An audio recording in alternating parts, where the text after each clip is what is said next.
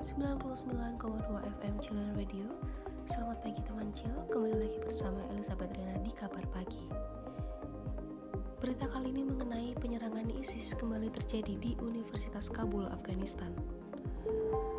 Universitas Kabul, Afghanistan kembali menerima serangan pada Selasa 3 November 2020 yang menewaskan 22 mahasiswa dan 22 orang lainnya terluka. Dilansir dari The Guardian, sebelumnya telah terjadi serangan di Universitas Kabul pada hari Senin 2 November 2020. Peristiwa tersebut terjadi saat Universitas Kabul menjadi tuan rumah dalam pameran buku yang dihadiri oleh Duta Besar Iran. ISIS mengakui bahwa penyerangan tersebut merupakan tindakan yang dilakukan oleh mereka dan menetapkan tiga pelaku penyerangan yang telah tertembak tewas oleh keamanan Afghanistan. The Washington Post melansir berita yang menyatakan bahwa penyerangan di Universitas Kabul juga terjadi pada bulan lalu yang telah membunuh 24 mahasiswa dan 70 mahasiswa lainnya luka-luka.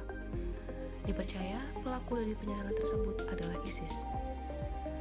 Terkait dengan peristiwa penembakan di Universitas Kabul oleh ISIS, pemerintah Afghanistan dan Taliban menangani peristiwa tersebut dengan kecurigaan dan mulai saling menuduh. Dilansir dari BBC.com, Amrullah Saleh, Wakil Presiden Afghanistan, mengatakan bahwa pernyataan ISIS merupakan palsu karena ditemukan ketidakcocokan senjata dengan foto yang telah diunggah oleh ISIS. Amrullah Saleh juga menyatakan bahwa terdapat bendera Taliban yang ditemukan di lokasi penyerangan.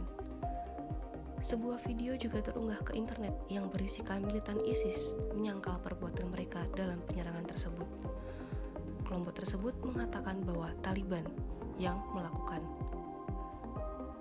Dilansir dari BBC.com, juru bicara Taliban, Sabiullah Musyahid, telah membantah tuduhan pemerintah Afghanistan. Taliban mengatakan bahwa pemerintah mendukung ISIS dan melakukan serangan untuk propaganda. Washington Post menuliskan dari misi bantuan PBB di Afghanistan yang menyatakan korban sipil telah mengalami penurunan 30% korban jiwa dibandingkan tahun 2019. Meskipun dinilai lambat, pemerintah Afghanistan dan Taliban sedang membicarakan perjanjian perdamaian untuk menyudahi perang di antara kedua pihak.